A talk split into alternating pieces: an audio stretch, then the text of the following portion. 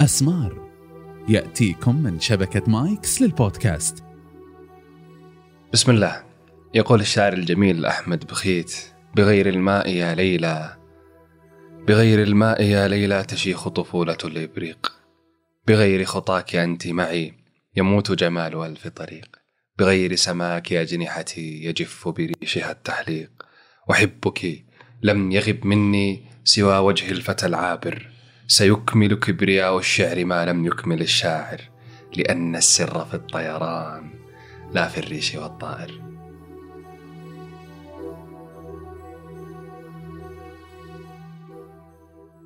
الشاعر الجميل أحمد بخيت مساك الله بالخير وأنا سعيد. جدا أن أكون أنا ضيفا عليك هذه الليلة. الله يبارك فيك الله يخليك آه، أزعم أنها بإذن الله ستكون حلقة جميلة متشوقين جدا إلى شعرك وإلى فلسفتك ورؤيتك وحديثك العذب.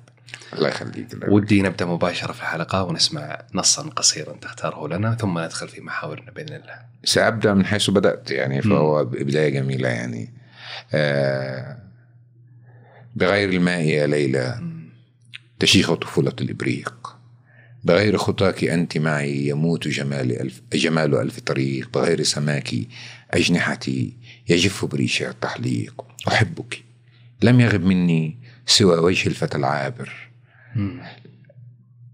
أحبك. لم يغب مني سوى وجه الفتى العابر. ستكمل كبرياء الشعر. ما لم يكمل الشاعر لأن السر في الطيران لا في الريش والطائر. أحبك. نجمة السلوان حين لمحتها غارت. ولست أعاتب السكين في ضلع الذي اختارت. فلا أحد يرد الخطوة للقدم التي سارت. إذا من أين يأتي الحزن يا ليلى؟ إذا من أين؟ وأنت غزالة بيضاء تمرح في سواد العين. على جمر مشيت إليك قلبا حافي القدمين. أنا نخل الجنوب الصعب. هز الجزع واكتشفي. بج- بجزر راسخ في الأرض. يحتضن السماء سعفي لليلى أن تعانقني عناق اللام للألف. أنا الصوفي والشهوان عشاقا ومعشوقا. أسير بقلب قديس وإن حسبوه زنديقا وحين أحب سيدة أحولها لموسيقى. أنا في البيت والجدران من غير الأحبة سجن. يشيخ الباب والدرج اليتيم بلا خطاك يئن أحتى هذه الأخشاب تغرم مثلنا وتحن. أريكتنا التي سكرت بضحكتنا معا تبكي. ولا تغفو معي إلا إذا حدثتها عنك. فتحضنني لعل على قميصي شعرة منك. الله. نبدأ في في حوارنا. قال شاعرنا الكبير أحمد بخيت تقريبا في الثالثة والثلاثين من عمره. أيوة. زمان. آه، في اعتقادي أن الشعر كالحب. ينبغي أن تتعلمه كل يوم. أن تكسب رضاه كل لحظة. وأن تترك غرورك هناك على العتبة قبل الوقوف بين يديه. هل لا يزال آه، أحمد بخيت يتعلم الشعر كل يوم؟ وكيف يمكن أن تعرف لنا أو تصف لنا الشعر في منظورك؟ أنا أحب أسأل الشعراء, هذا آه، السؤال. كل واحد لديه رؤية خاصة فيه. عندما شبهته بالحب كنت أدرك تماما صعوبة تحديده. أيضا لن تجد أحد يتفق على مفهوم محدد للحب إنه يحس ويعاش. أكثر مما يفسر. لكن آه، أعتقد أنه ما زلت على رأيي وأعتقد أن الشاعر إذا كف عن تعلم الشعر ينتهي. وهناك تجارب شعرية في العالم العربي كله تؤكد ذلك. هناك شعراء بدأوا بدايات جيدة جدا. وبعدين توقفوا عند هذه المرحلة. وشعراء متنامين يعني كل كل لحظة تجد منهم جديدا وابتكارا وكلما حرثوا منطقة شعرية بحثوا عن أخرى ليجددوها. آه، فاعتقادي أنه أنه الشاعر إذا أراد أن يكون آه، شاعرا آه، مؤثرا في أمته مم. وفي عليه أن يتعلم كل يوم لأن الحياة تتجدد كل يوم. والشعر هو صديق الحياة. فعليه أن يسير معها أو يسبقها بخطوة. آه، يعني كما يستطيع على قدر ما يستطيع على الأقل يسير معها في الحياة تتقدم كل يوم كل نفس جديد طولة حياة جديدة. آه، أنا ما زلت على رأيي في أنه الشاعر لا يمكن أن يتوقف عن التعلم. جميل. هو صديق الحياة. مم. فعليه أن يسير معها أو يسبقها بخطوة. مم. آه، يعني كما يستطيع على قدر ما يستطيع على الأقل يسير معها في الحياة تتقدم كل يوم كل نفس جديد طولة حياة جديدة. آه، أنا ما زلت على رأيي في إنه الشاعر لا يمكن أن يتوقف عن التعلم. جميل. لأنه كل يوم بيبذل أسماء شعرية بتضيف إلى تجاربنا. فلازم نتابعها ونشوف ما ما اكتشفته يعني. جميل. وممكن ما تكون فقط أسماء ممكن تكون رؤية فكرة طبعا فلسفة فكرة. جديدة. كل يوم العالم بينتج أفكار جديدة وأحاسيس جديدة ومشاعر جديدة. اختبرنا في في السنوات الأخيرة مشاعر لم نختبرها طوال. قرون. صحيح. جميل جميل جدا. طيب آه أنتقل إلى إلى حديث آخر. آه كذلك أنت قلت في حوار صحفي سابق لقد كتبت الأغنية لأشتري الحليب لطفلي وهو سبب نبيل. لكنه بالنسبة لي لم يكن كافيا وحده. لقد أردت أن أتيح لكلماتي أفقا أوسع حين تصل إلى المثقف العادي وإلى المتعلم والأمي. أتكلم عن تجربة أنا طلعت على ال- الأغاني الجميلة القصائد اللي غنيت لأحمد بخيت. أتكلم عن هذه التجربة آه، كتابة الشعر الغنائي. وكيف يراها أحمد بخيت؟ وهل هو فعلا يعني يمكن كث... أتوقع أغلب الشعراء ما جرب التجربة هذه، هل هي تراها أسهل أصعب؟ آه والآن هل لا زال أحمد بخيت يكتب الشعر الغنائي أم أنه توقف عن ذلك؟ الحقيقة طبعا آه، سا- أنا من محبي الموسيقى والغناء و أنت لما حبيت آه سيدة حولتها إلى موسيقى. يعني الحقيقة وكان لي السعاده إن أنا بدأت التجربة أحيانا كانت الأول آه، الضرورة هي الأساس عندما تركت العمل الأكاديمي كان يجب أن أجد مصدر رزق آخر ولم أكن أريد إلا الكتاب فكان علي أن أبحث في نفس المجال آه، وأنا رأيي أن الأغنية هي دلوعة الشعر هي مم. البونبونايه الجميلة ال- آه يعني آه، بت- بتكتب القصيدة قد يقرأها عشرة آلاف. يعني إذا كنت م... يعني سعيد الحظ ممكن توصل لمليون. لكن الأغنية 150 مليون عربي 200 مليون عربي بيسمعوها في أول يوم تنزل فيه يعني. آه وغير كده بتستمر. فأنا حبيت الأغنية يعني. وكان ليا حظ التعامل مع كبار المطربين من بدايتي يعني. آه لكن بعد فترة اكتشفت إنه كل مجال ثقافي في العالم العربي فيه مشكلاته. يعني إذا كان الشاعر عنده مشكلاته فالأغنية أيضا مجال صعب جدا خصوصا إنه محتك بالناس وبالبزنس وبأمور كتير جدا. يعني والقصيدة أنت بتنتجها لوحدك أنت مم. المنتج الأساسي الأول والأخير ليها. مجرد كتبتها على ورقة وقلم خلصت القصيدة وهتلاقي طريقها للناس. إنما الأغنية إنتاج اقتصادي. كمان. آه، بي- بيخضع على عوامل كتير جدا جدا. فكان في صعوبات. لكن آه، ده أدى إلى إنه كمان أنا خفت على مشروعي وطموحي الشعري إنه يسرقوا منه انبهار الأغنية. فانزويت قليلا ورجعت للشعر لما ابتدى الامر إنه أشارك على مستوى عربي. ودولي يعني والأمور تتحسن. وأشتري الحليب لأطفالي بالفعل. فمش تقليلا من قدر الأغنية لكن بالعكس أنا قلت ان إن لها ناس متفرغين لها يبدعوا فيها ويجددوا فيها على أفضل ما يكون ممكن أفضل مني لكن أنا عندي مشروع في قصيدة الفصحى ممكن لو ما قمتش بيه يبقى صعب إنه يعني على الأقل أنا هساعد فيه شوية يعني. فقلت المشروع الشعري قد يكون أهم والأغنية تأتي بعدين يعني والآن على فكرة ال- الحمد لله يعني يعني بقى في قصايد ليا تغنى. وفي مطربين كبار ومطربات كبار في العالم العربي عندهم دخلت مشاريع الغناء بالشعر الفصيح بالشعر الفصيح. أنا الآن ما سيغنى من شعري هو من شعري مم. لم اكتبه للغناء لكن أختير من شعري جميل آه. وسابقا الأغنية كانت تكتب لأنها أغنية. آه. فليست فعلا هي. أحيانا بتكتب على موسيقى. أحيانا كنا يعطيك اللحن كنا أوقات لا بنروح الاستوديو ما, ما بيعطيكش اللحن انت بتخش تسمع اللحن وتكتبه. وكان امرا مبهجا وتحدي جميل لكن في الحقيقة إنه الكلمة هي القائد. صحيح. إحنا ثقافه امه كلمة. ما. ينفعش تقودنا حاجة تانية غير الكلمة. يعني البداية كلمة. صحيح. وللأسف إنه تجد إنه ما نعمم بس إنه غالب الأغاني بالذات ما أدري عن الأغاني المصرية بس في الخليج مثلا مستواها مو عالي شعريا. ضعيف أو عادي. آه يعني هو في اتهام إنه فعلا أغنية ال- الأغنية أقل فنية من الشعر. الأغنية ليها فنية مختلفة عن الشعر. دي حقيقة.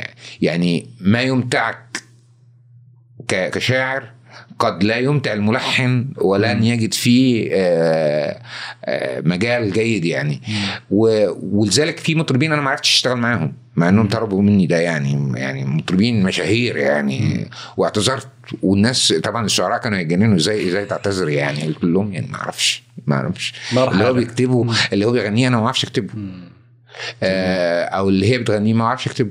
لكن الأغنية آه، تستلزم قدر أقل من الشعر وقدر أكثر من المرونة. مم. يعني الأغنية أن أنت شريك إبداعي فيها ولست مبدع كامل. القصيدة أنت أنت مسؤول عنها من الألف إلى الياء. لكن الأغنية الملحن شريكك والموزع شريكك والمطرب شريكك وشركة الإنتاج شريك يعني قصيدة فيها شركاء آه كثير فيها شركاء كثير شركاء بس. جميل جميل. طيب آه خلينا ننتقل إلى الحديث عن الشعر آه، أستاذ أحمد بخيت المكان آه في شعر أحمد بخيت حاضر بقوة. آه كثيرا ما يرد في شعره ومثلا تجد الحارة الشعبية المقهى.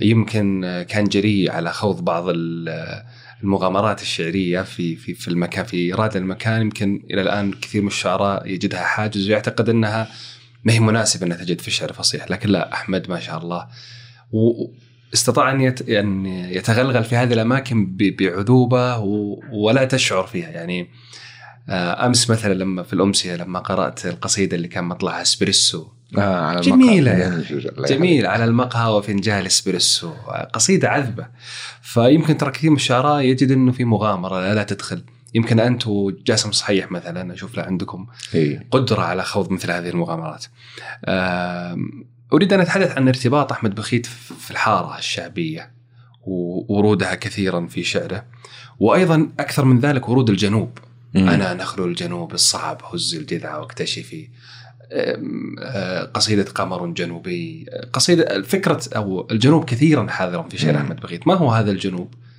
أنا أعرف أنه في مصر الصعيد آه. خلينا نبدأ بالمكان في المكان أحد آه، مفاتيح الشعر العربي يعني أنا لا يعني لا يدين لي وجود المكان في الشعر العربي. أنت عارف القصيده العربية بدأت بالطلل.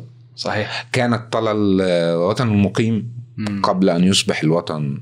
آه، كان الطلل آه، وطن الغائب قبل أن يصبح الوطن طلل المقيم. جميل. فرحلة الطلل في الشعر العربي هي المفتتح الأساسي للقصيدة مم. العربية. الارتباط العربي بالأماكن جذري وتاريخي. ولأنه بيشكل تكوينه. والأماكن كما قلت الأماكن ناس والناس أماكن. جميل. فأنا سكنت في المكان ويسكنني أهل المكان. مم. يعني آه يعني عايز أقول لك إنه روح البلاد بتتاخد من الناس أكتر من الأماكن. الأماكن- الناس هم اللي بيصنعوا للمكان رائحة وطعم. جميل. المكان يعني أنا ليا تجربة جيدة في الحياة في, الصع... في صغيرة في الحياة الجنوب وكبيرة في القاهرة و... وسريعة في معظم البلاد العربية آه، كل مكان أضاف لشاعريتي بعد. لم كنت أفتقده آه، طبعا طبيعي إن الأماكن التأسيسية هي الأك- الأماكن الأكثر تاثيرا لكن لا أقل من سحر الأماكن اللي بتمر بيها وأنت مندهش لاكتشافها آه، يعني عندما أذهب إلى مكان يهمني اكتشاف رائحة آه، الإنسانية فيه ورائحة الناس فيه. آه، وده أثر على تجربتي طبعا يعني الشعر. الجنوب بالنسبة للشعر العربي أيضا والشعر المصري بشكل خاص آه، انت عارف الجنوب في العالم كله بيقولوا إنه آه، أساسي في الإبداع. يعني هتلاقي في جنوب فرنسا شعراء. وجنوب ألمانيا نفس الكلام. جنوب كل العالم تقريبا مهتم بش هم زمان المصريين كانوا يقولوا إنه الطاقة ليها علاقة بمحور الش- الشمال والجنوب يعني. فيمكن ده يكون في له سر يعني. آه، الجنوب المصري خاص جدا وله له خصوصية في البيئة المصرية. والمصري مرتبط بأماكنه يعني كتير. زي ما برضو الخليجي مرتبط باماكنه جميل. وقابلته. ففي آه، خصوصية في البيئة الجنوبية. بتضيف للشاعر شيء ما. هو يريد أن يعبر. وأساس الشعر هو أن تعبر عن خصوصياتك.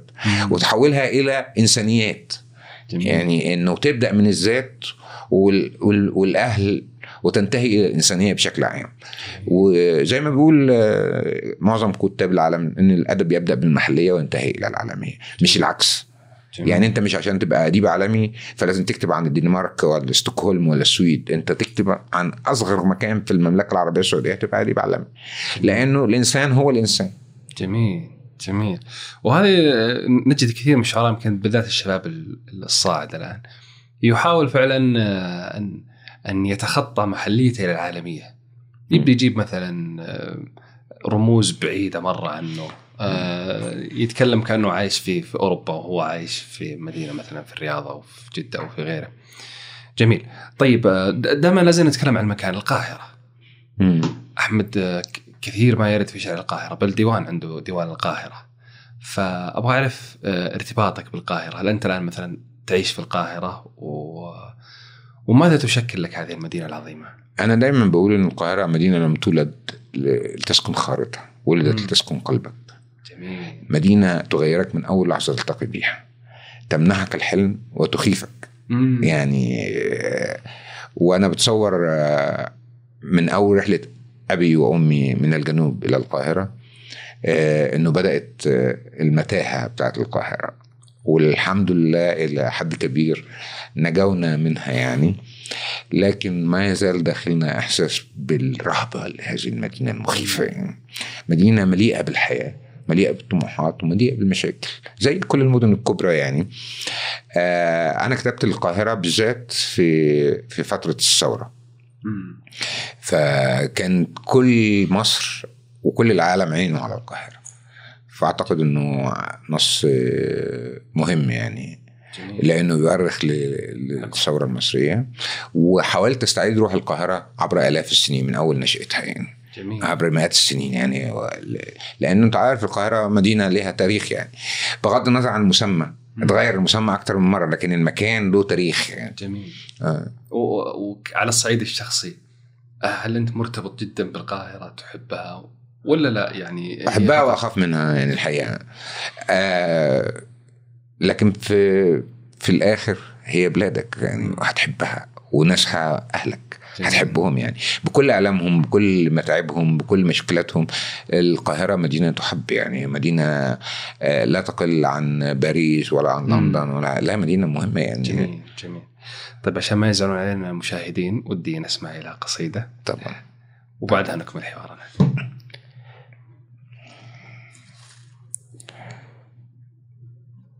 الماء والكلمات أول ذاكرة. مم. وهبت ليكتشف التراب عناصره لا تسرق اسمك من نبيذ سواك إن الكرم في الكاسات يعرف عاصره الله. رجل بداخله ازدحام شارد ما زال يرقد والمحطة شاغرة. مر القطار به فألقى وردة بيضاء واحمرت ليالي القاهرة. الله. واللافتات الباهتات توردت عشقا ومرت خمس عشرة قاطرة. من يومها والعطر يشحق غامرا ليل المدينة في تمام العاشرة. أسماؤنا سبقت ترابا نادما للأرض وانتظرت لتولد طاهرة. كلمات آدم في ابن آدم حررت روح ابن آدم أن تجر جرائره. وأنا وسر الماء في كينونتي وخطايا في سيرورتينا قاصرة طفل ويغفو تحت شال رتيبة أمي. وتوقظه الصلاة الحاضرة. وجد الزمان ابن السبيل مقرفصا يحكي لأطفال المكان نوادره أهداه ريشته وصخرة عمره لتكون رسمته الوحيدة باهرة. مم. بياضا من عمامة جدنا الأعلى تؤدبنا عصاه الناهرة نبراتنا السمراء بياض ضمادة بالشعر مستها الجراح الهادرة كل للبهاء زهير لم يتجبر الطيف النؤوم على الجفون الساهرة الله. الليل ليس بكافر يا صاحبي ما لم تكن عين الظهيرة كافرة. رسم الفراهيدي دائرة الرؤى وعبرت مثل الفهد قوس الدائرة.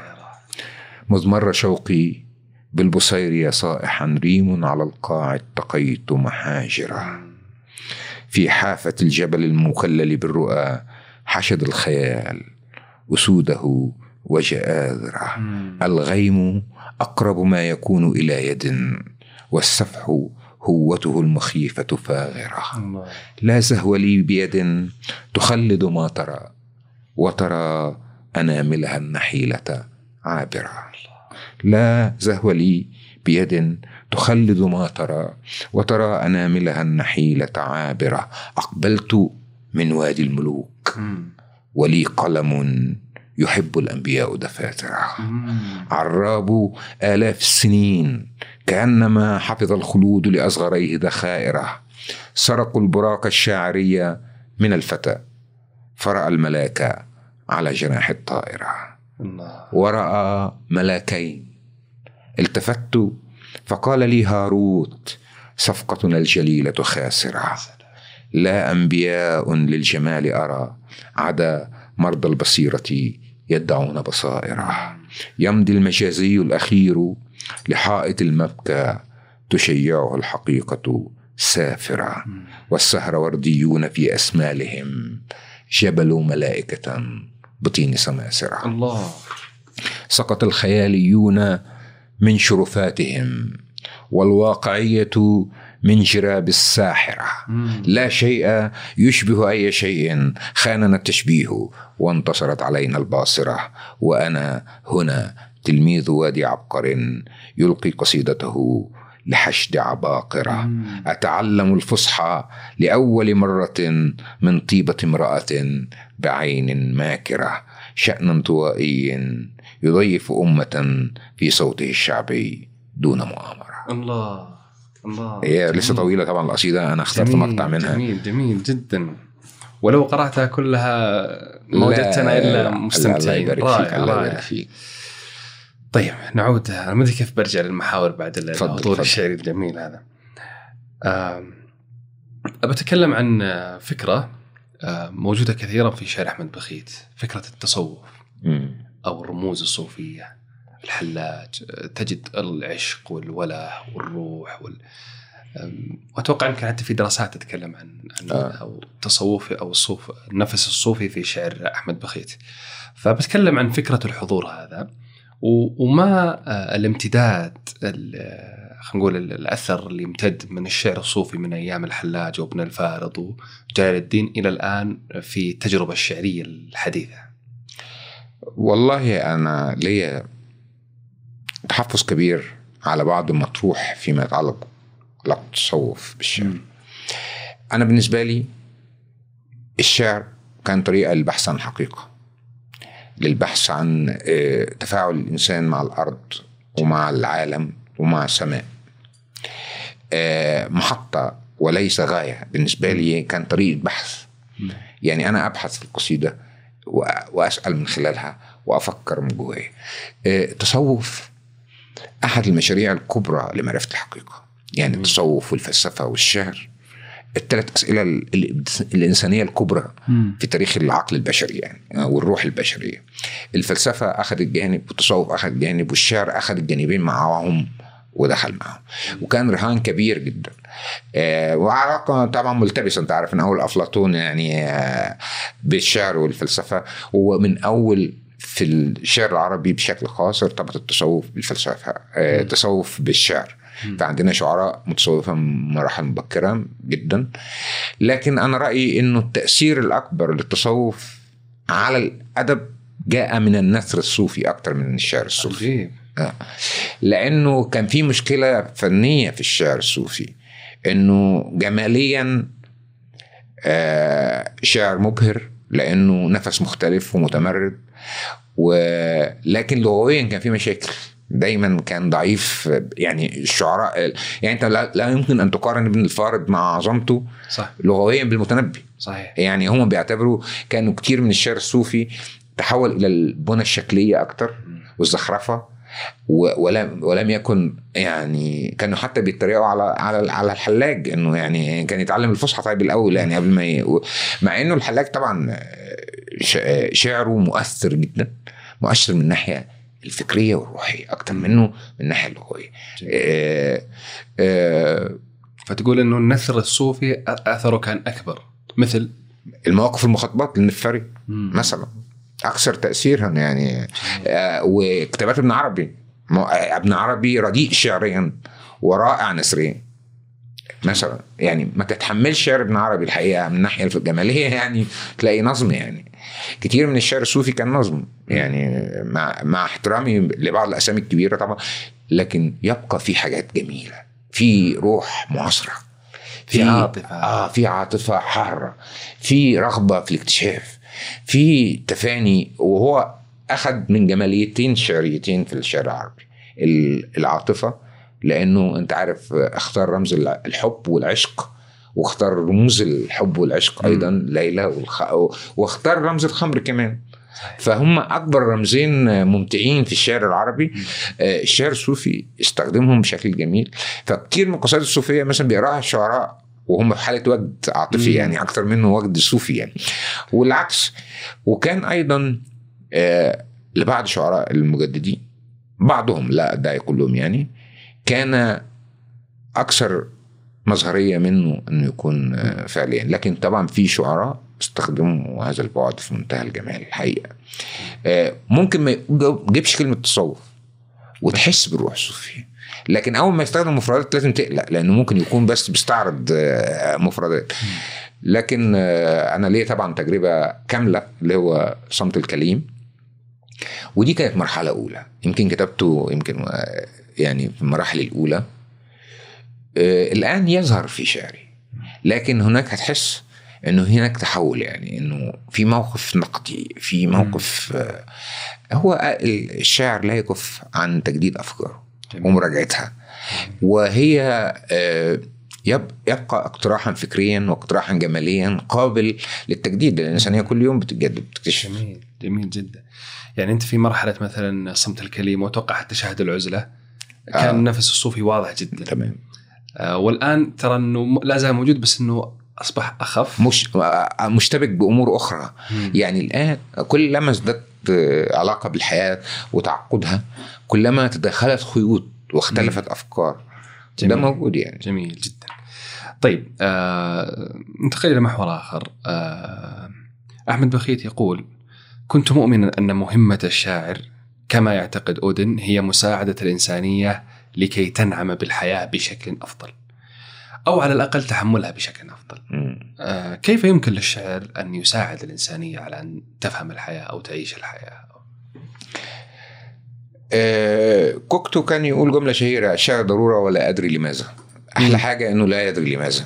ضرورة ليه؟ لأنه لا يمكن التخلي عن الفن والجمال وإلا سنتحول إلى حيوانات بناكل ونشرب وننام. يعني هذه أمر أساسي في تكوين التجربة البشرية. يعني ال- الشعر أحد الفنون العظمى. وبعدين هو فن ارتبط بالكلمة. وأنت عارف الكلمة بدأت بريحة البشرية على الأرض. وعلم الآدم الأسماء كلها. في البدء كان الكلمة. ف وفن لا يحتاج لأكثر من إنسان. وأذن. صوت وأذن وحنجره لا لا في كل ما في آلات، ما ما, ما في آلات ولا أدوات ولا بتاع.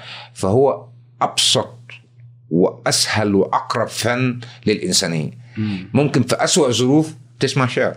يعني قاعدين في خندق هتسمعني شعر. في خندق في حرب هتسمعني شعر قاعدين في في في أفخم شقة في العالم هتسمعني شعر لكن مش هتعرض لي مش هتألف لي فيلم. مش هتصور لي فيلم وإحنا قاعدين في الخندق مثلا. مش ممكن يعني. فالشعر ضرورة. ضرورة ليه؟ لأن إحنا آه، مش ممكن نتحول إلى آلات ولا يمكن أن نكف عن التحاور. والشعر هو تحاور بين الذات وبين العالم بين الش... بين الشاعر وبين المتلقي. فأنا يعني من يعني من من الناس اللي بيحبوا الشعر. يحبوه سماعا ويحبوه قراءة ويحبوه كتابة. جميل. ترى إنه أجل من مهام الشعر إنه يعيش هموم الناس ويحكي عنها لإنه يساعدهم على تحملها؟ هذا فخ. أيوه. يعني أنا عايز أقول لك حاجة إنه تعامل الشعر مع الحياة بيستلزم من الشاعر ذكاء. إمتى يتورط وإمتى ي- يعني يتوقف. الشعر ما ينفعش تقول ما يتجاهل الحياة لأنه الشعر داخل في نسيج الحياة الحياة داخلة في كل حاجة. آه، و وكمان ما ينفعش تحول الشعر إلى زي الحياة. طب أنت استفدنا إيه؟ يعني زي بقية ال... زي الصراع التجاري والصراع. الاقتصادي والصراع السياسي. لا. هي المعادلة الصعبة دي إنه الشعر يظل شريكا في الحياة. يطل عليها ولا يقترب عنها وفي الوقت نفسه يظل يأخذ بيدها إلى. مكان أعلى مما هي فيه. جميل جميل جدا. طيب بناخذ سؤال وبعدها ممكن نسمع قصيدة. آه، أو خلينا نسمع قصيدة لأن السؤال بعد مختلف جدا وبعد أسئلة مرتبطة. فيه والله. خلينا نسمع إلى إلى نص. تختار لنا. وبعدها نكمل حوارنا. أنا أحاول إني أس- أستغل وجودك معنا هنا نسمع الله يخليك، الله يبارك فيك. لأنه متعطشين الناس والله لشعرك بالنسبة للموضوع اللي كنا بنتكلم فيه في مقطع صغير في قصيدة أوراق هرمس متون سيد الحكمة الخفية. كي لا يقول التين والزيتون. من لم يخنا بعد سوف, سوف يخون. كي لا يقول فتى ليافا ما لها لا البرتقال لنا ولا الليمون. كي لا يفر الورد من أغصانه دجرا وينسى النخلة العرجون كي لا ترى أيلول مبتلا دما وإلى حزيران انتهى تشرين كي لا يكون لكل سيف بيعة ولكل من لبس العباءة دين كي لا نرى الشهداء نقش شواهد فوق المقابر والبلاد سجون كي لا يقال على المنابر كبروا قتل الأمين وبويع المأمون. كي لا يفضل كي لا يفضل من يرى ألا يرى مما يرى والخائنات عيون. كي لا تكون الأكثرية دولة دولة للسامري ووحده هارون. والهرمجيدون الأخيرة تبتدي والهولوكوست الطائفي يحين. سيؤسس الشعراء جمهورية في هامش ينساه أفلاطون. الله جميل جميل. جميل والله جميل رائع. okay okay okay والبيت الأخير هو ال- الناظم لهذا العقد الجميل. رائع. طيب ننتقل إلى ممكن حوار أكثر آه، خلينا نقول واقعية من خيالية الشعر وجماله. آه، أنت قلت أنه آه، وزارة الثقافة تتعامل مع الثقافة كعامل آه، هامشي وهذا أسلوب خاطئ.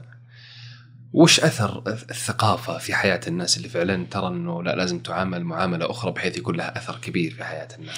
هذا الكلام في حوار مبكر جدا.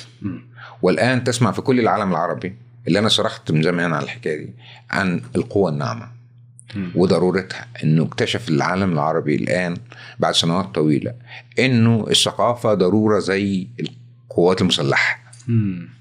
آه، أنا ما بقولش ثقافه هي قوة ناعمة هي قوة مسلحة.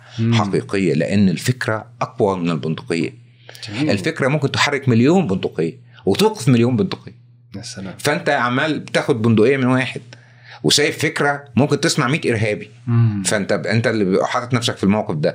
الثقافة ضرورة لأنه لا يمكن لأمة تقرأ شعر وتسمع موسيقى وتحب الفن وتحب, وتحب الفلسفة وتحب الكتب.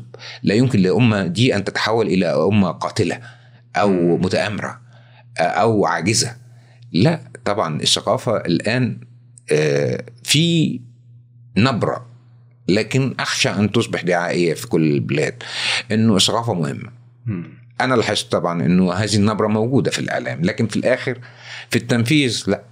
الثقافة ليست مهمة. بقيت زينة للأسف يعني. إلا ما ندر إلا من رحم رب جميل. أتوقع إنه يمكن الجيل الجديد يكون عنده وعي بالشيء هيكون. أقوى من كده. الجيل الجديد أنا عندي أمل فيه إنه يكون أقوى من كده ويقدم. آه ما هو أفضل مما قدمناه حتى. بإلهام الملهمين مثلك والله يسلمك. الله يبارك فيك الله يبارك. طيب آه، السؤال اللي بعده ننتقل إلى الحديث عن عن فكرة الحالة الشعرية في مصر. آه، كيف ترى إنه ال- ال- واقع الشعر المصري والشعراء المصريين حاليا وهل في تحديات فعلا حقيقية تواجههم؟ ويمكن كان في حديث بيني وبينك قبل الهواء فبنتكلم عن فكرة ال- ال- الشعر في مصر حاليا مم. كيف تراها؟ والله آه، في حالة توهج في جيل الشباب في العالم العربي كله مصر من ضمن. آه، إنه بقى في آه، رغبة في آه، في تقديم منتج شعري ومنتج آه، ثقافي مهم. وفي انفتاح يب- يبدو الميديا أدت إلى تقارب كتير من الأفكار. ففي حركة إلهام متبادلة بين شعراء العالم العربي الشباب في كل مكان. فبتلاقي كلهم متابعين بعض وده حاجة مهمة جدا. آه، في طبعا آه، مشكلة مشكلات تواجه الشباب. في الشعر المصري في آه، الشباب المصريين. طبعا زي أي بلد في الدنيا يعني. آه، أنا متابع إلى حد كبير مستويين من الشعر حلو. أو مرحلتين. آه، مرحله الشعراء الناضجين ودول موجودين الحمد لله يعني. لكن في جيل صاعد في جيل صاعد. شباب. آه عنده طموحات وعنده مشكلات. إنه صعوبة الحياة قد تضغط عليه. تخليه يتنازل أحيانا. آه نزل فنيا ويقدم آه حاجة أقل. أو إنه ينخرط إنه يدور على مسابقة يدور على مش عارف إيه. والمشاريع ال- القرائية أقل. يعني غير الخليج. يعني الخليج والعراق والشام بيقروا أفضل. الجيل المصري أقل القراءة أصبح مشغول في في البحث آه أنا أنا أنا. حزين إنه القراءة بتقل. آه ممكن نكتفوا بالميديا وده يخوف يعني. الكتب برضو ليها ثقلها وليها جمالها. و فأنا بتابع الشباب من الجامعات في المسابقات والحاجات دي أنا بحكم في بعض كتير منها. آه، في أسماء شابة م- واعدة جدا جدا جدا. يعني أنا قلت في لقاء قريب إنه ممكن تلاقي 50 60 شاب في مصر قادرين انهم موجوده على الساحة الثقافية الش- الع- العربية يعني. آه لكن أنا ما زلت أؤكد إنه إنه هم بحاجة إلى اهتمام أكبر. بحاجة إلى المؤسسة الثقافية تراهم بشكل أفضل لأنه في تشظي كبير في الساحة الثقافية في مصر وش الأدوار اللي ممكن تقوم فيها الم- المؤسسات الثقافية لرعايه مثل هذه المواهب؟ لا مشروعات كتير ممكن تتعمل يعني يعني غير المسابقات منح منح. منح للقراءة لا المسابقات مرة وعدت لكن المنح الثقافية مهمة إنه اطلعه يا سيدي يقعد شهر في أي بلد يشوفها ويقرأ كتبها ويتعرف مثقف فيها يعني في مشروعات ممكن تتعمل كتير. في مشروعات تعاون ممكن يعملها الشباب مع بعض حتى. يتبادلوا آه، زيارات والحاجات دي. يعني ما أعرفش أنا شايف إنه لازم تحط خطة مختلفة للثقافة العربية. جميل. يعني إحنا بحاجة إلى تغيير استراتيجية التعامل مع الثقافة العربية. يعني أنا كنت بقول إنه ما تفعله مثلا أنا وأنت دلوقتي الآن هذه طفره. كنا بنحلم بيها في وقت من الأوقات إنه يستطيع شبان أن ينتجوا آه، إعلاما ثقافيا جيدا بعيدا عن المؤسسات الرسمية مم. يعني إنه يعملوا حاجة حيوية ومنفعه وتفاعل مع الناس وده يعني يعني حاجة ممتازة الحاجات دي مفتقدها يعني مش نتمنى تعمم التجارب زي دي في العالم العربي كله جميل جميل وأتوقع إن شاء الله إنه المستقبل مشرق إن شاء الله. بإذن الله. طيب آه بتكلم عن فكرة أنت قلت في حوار قريب لك آه الإبداع يبدأ من الأنا كما أن كل الشعر العربي يبدأ من الأنا. فسر لنا هذه ال- الجملة. ارجع لأي قصيدة عربية من التراث العربي أي قصيدة طرف ابن العبد حتى أي حد هتلاقي الذات مم. هو أصلا الفكرة في الإنسانية يعني علم آدم الأسماء كلها عشان هيتكلم فهيتكلم عن آدم وعن حواء هيبقى أنا من غير أنا وأنت مفيش عالم. فالقضية إنه مجرد الإبداع أول ما تمسك القلم أنت بتكتب في البيت. بتقول لي أنا يا أحمد عايز أكلمك. فأنا. بدور على الانا مين الانا ده عايز أعرفه فالأنا موجوده دي أساسية ولو ما كانش في أنا ما فيش حياة جميل. يعني آه، عداوة الأنا دي عداوة ساذجه يعني مم. حتى لو قلتها بلسانك في الآخر أنت ضدها بإحساسك أنت أول حاجة بتطلع على لسانك هي أنا أنا. آه، أنا يقول لك آه، وأعوذ بالله من كلمة أنا. يا سيدي أعوذ بالله من كلمة أنا إذا تحولت إلى أنا ويموت الآخرين مم. إذا كان أنا على حساب الآخرين لكن أنا كلمة محترمة جدا يا آه، يعني كل النصوص المقد... في كل النصوص إني رسول الله رسول الله مم. بيقول إني رسول الله. هو دي يعني جهية؟ لا إني هي- حفيظ عليم مني آه، مثلا. اجعلني على خزائن الأرض إني حفيظ عليم. عليم مثلا يوسف. آه. مم. الإحساس ده مهم مهم جدا. ف لأنه بتبدأ منه الحياة. إذا ما إذا ما إذا ما حبيتش أنت كل ريحتك في الحياة عايز تبني إيه؟ نجاح لأنا اسمك يعيش واسم عائلتك. واسم أولادك.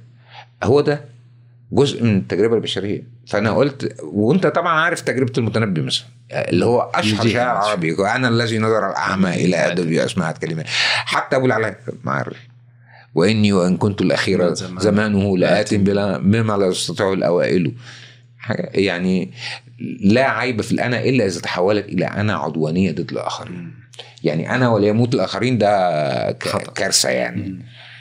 جميل جدا دائما جينا على سيرة المتنبي وهو في محاور آه. أنا كنت يوم جاء في موضوع الانا على طول جاء في بالي أنا الذي نظر الاعمى. إلى أدبي وحتى في في يعني حوار سابق لك كان فكرة لما سئلت عن الشعراء وأظن كان في بداياتك الشعراء المؤثرين في تجربتك ذكرت أبو تمام ثم قلت أنه آه، بلغت ذروة ال- ال- التأثر في في المتنبي.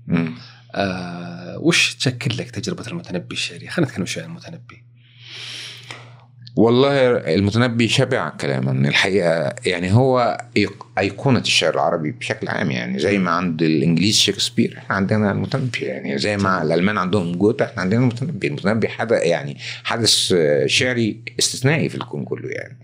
آه ولو نقل المتنبي بشكل لائق للثقافة العالمية لكان واحد من أهم ال- الأقلام اللي كتبت في تاريخ البشريه عجيب. آه لا لا أنا قريت كتير في الشعر العالمي وت- و- وت- وصدقت شعراء أجانب كتير يعني. وترجم شعري ل- على فكرة إحنا مقصرين دي مهم جدا إحنا مقصرين في توصيل الشعر العربي إلى العالم. شعرنا العربي أجمل شعر في العالم بدون غرور يعني. أنا قريت مع الأسبان والإيطاليين والفرنسيين مع, مع أكبر شعراهم. مم. أصغر شاعر عندنا في العالم العربي أغنى من كبار شعراء في العالم. عجيب. لكن إحنا قصرنا في ترجمة شعرنا العربي. وصعوبة لغتنا إحنا بنقرأ الرواية آه وترجمه الرواية سهلة لكن الشعر صعب جدا. أذكر إنه آه، ترجمة نص ليك لو أي لغة تانية قد تحتاج للبيت الواحد إلى ثلاث صفحات. أربع خمس ست سطور يعني بأي لغة أخرى. اللغة العربية لغة عظيمة جدا والشعر العربي غني غني بموسيقاه وبلغته ومفرداته وبشعرائه وبرموزه فخلينا نرجع المتنبي عشان ما. نفقدش الخيط المتنبي آه، شكل باعتزازه بذاته آه، بجرأته على وضع الشاعر في مقام أعلى مما كان قبله. من شاعر متكسب إلى شاعر آه، هو صوت الأمة والمسؤول عنها. و... وند للسلطة. يعني علاقته بسيف الدولة ليست علاقة آه، خادم مخدوم بس علاقة ند إن هذا الشعر في الشعر ملك صار فهو الشمس والدنيا فلك آه، عدل الرحمن فيه بيننا فقضى بالنظم لي والمدح لك. يعني حط نفسه هو راس براس سيف الدولة. وهذه نظرة جديدة يعني ما كانتش موجودة في الشعر العربي قبل. هو أضافها. غير كده إنه أدخل الفكر في الشعر آه، ده طبعا أدخله أبو تمام بس هو عمقه مدخل الفلسفة آه بالظبط. وغير كده إنه يمتاز بلغة ناصعة وقوية آه وبتجربة إنسانية وشعرية سرية وملهمة.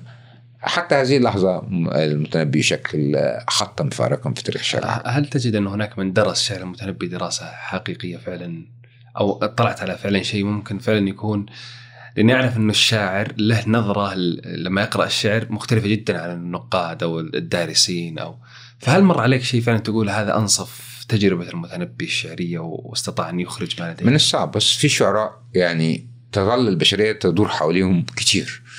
كل شاعر كل باحث وكل شاعر هيقدر يلاقي في المتنبي حاجة ما كناش واخدين بالنا منها.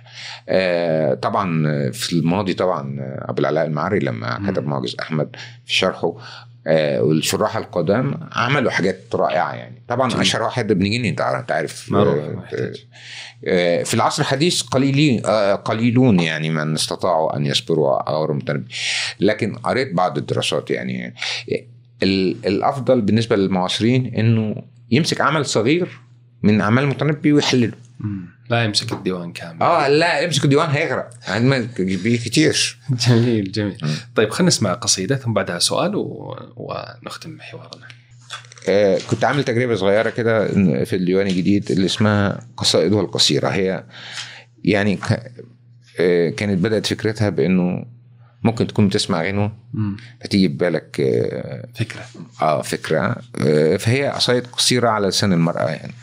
أنا قريت منهم امبارح اتنين فممكن نقرا لك. تفضل. العاشرة صباح. سألقاك في الساعة العاشرة. صباحا بلا زينة ظاهرة. وشعر القصير رواية عشق تطول وعيني هي الشاعرة. فهيئ لي القلب حتى تراني البصيرة في الحب لا الباصرة. أنا لا أحب العيون المرايا لأن المرايا بلا ذاكرة. الله. الله. إلى الله. خطأ الإجابة في السؤال الخاطئ مم. يا ربي نصف الحرب كذب مبادئ. هذه الحياة وأنت أعلم أصبحت موتا عجوزا يستضيف الناشئ مم. والحب دعوة خائفين لرقصة تدعى الكآبة تحت سقف واطئ أعد الحياة إلى براءتها فمن أسمائك الحسنى المعيد البارئ. الله. أحتاج في المنفى حبيبي موطنا. أحتاج في وطني حبيبي الشاطئ. مم. لا شيء من نعم الحياة أعز من نوم الأحبة في السرير الدافئ. يا سلام. جميل. تهويد نوم حتى يقول حفيدنا لو أن كل الليل كان ظلاما. فبأي ضوء تقرأ الأحلام؟ الله. ضعف الخطى في السير ليس خيانة إن الكتاب يقلم الأقلام. مم. لكننا نمشي إلى شام الرؤى في الحب حتى نستعيد الشام. يا سلام. في الليل نأخذ شمسنا في رحلة معنا وإن لم ننقل الأقدام. يا سلام. لو لحظة الموت النهاية لو لحظة المو... الموت النهاية لو لحظة الموت النهاية لم نقل للراحلين إلى اللقاء. سلام. فأحبني حتى يقول حفيدنا سهر كأجمل عاشقين. ونام. يا سلام. جميل جميل جميل جدا. طيب بختم بسؤال. كثيرا ما ترد فكرة النبوة. في. في شعر أحمد بخيت وهذا الرمز الأنبياء آه، النبي. آه، حتى إنك كتبت يعني أظن آه، ما أدري إذا انهيتها أو لا اللي هي ال- ال- الالفيه أو الألفية حقت النبي صلى الله عليه وسلم. آه آه أنهيتها طبعا. أي ما شاء الله. ففكرة آه، حضور هذا الرمز النبوه في حتى أنت لما سئلت يعني أو كتبت في مقدمة أحد دواوينك اظن شهد العزلة أيوه إنه لما سألتك المعلم وأنت صغير يعني وش تبغى تصير وش طموحك إذا كبرت فقلت معل آه، نبي مم. ففكرة النبوة هذه عند أحمد بخيت وش فكرتها؟ لماذا حضر؟ هو كان هم الصبي الصغير أو ال- الهاجس اللي عند أي مبدع وحتى هو صغير إنه عايز يعرف جميل الإنسان عنده فضول معرفي وأقصى درجة معرفة بنسمعها وإحنا صغيرين إنه اللي عرفوا كل حاجة هم الأنبياء لأنه بتلقى من مصدر أساسي. فكان أول هاجس ممكن يجي على بال آه، واحد بيسأل طول الوقت عايز ده إيه؟ وده ليه؟ طب أنا موجود ليه؟ ف- آه، والنبوه بتاعت القرن العشرين تبقى شعر. مم. جميل. ف فما تقدرش تبقى نبي لكن ممكن تبقى تسأل أسئلة النبوة. جميل. وتدور على الإجابات باعتبار إن هم هؤلاء الأكثر من بحثوا على فكرة النبوة في الأصل كي يعتقد البعض أن النبوة هبة سماوية وهي هبة أمر لا شك فيه لكنها هبة عن استحقاق. يعني لو تابعت قصص الأنبياء تميم تماما تلاقيهم جهدوا في السؤال. مم. سألوا. السؤال الإنساني وعرفوا المعرفة الإنسانية المتاحة في عصرهم لحد ما احتاروا فاتت. فجاء جاءهم الفرج يعني مثلا وجدك ضالا فهدى. إيه، الرسول عليه السلام كل وسيدنا إبراهيم نفس الكلام. هذا ربي هذا ربي بيس- بيسأل. فاحنا مهمتنا نعيد هذا هذا للبشر العاديين. يعني إن إحنا ندور ونسأل. مش هنبقى أنبياء. لأنه لما انه لكن على الأقل هنعرف كتير من اللي كنا نجهله. هنقدر نكون على الأقل بشر. ما نتحولش لقتلة. ولا للمجرمين ولا المتآمرين ولا نسوي الحياة البشرية زي ما سائد. إحنا نريد أن نضع وردة في الحياة وفكرة جميلة و- ونترك اثرا طيبا. مفيش أجمل من إنك آه، تفكر كما فكر الأنبياء. الله عليك. جميل جدا جميل. طيب ودي أختم ال- الحوار بمقطوعه وابيات أبغى شيء قريب لقلبك يعني تختاره. سيرة شعرية. لسيدة عاشقة. شهقة الأزرق في فستانها غفوة الطوفان في شطآنها. مقعد بالقرب من شرفتها يحمل الشمس إلى إيوانها. لوحة في الركن كانت جارة من سنين أيقظت ألوانها. لم نزل بعد صغارا بعد لم تقطف الوردة تقطف الوردة من أغصانها. بيتها يعرف عنها قدر ما تعرف اللوحة عن فنانها. والروايات على أرففها تحرس القصة من نسيانها. مر بالغرفة طيف غامض يرشف القهوة من فنجانها. كل ما في البيت مذهول على أهبة الدمعة في أجفانها. يا سلام. بيتها الشارد في الشعر معي. أغنيات لم أجد ألحانها. كلما حاولت أن أعزفها ردت العازفة ردت العازفة عن أشجانها أيها المنفي في أوطانه دع أغاني الحب في أوطانها.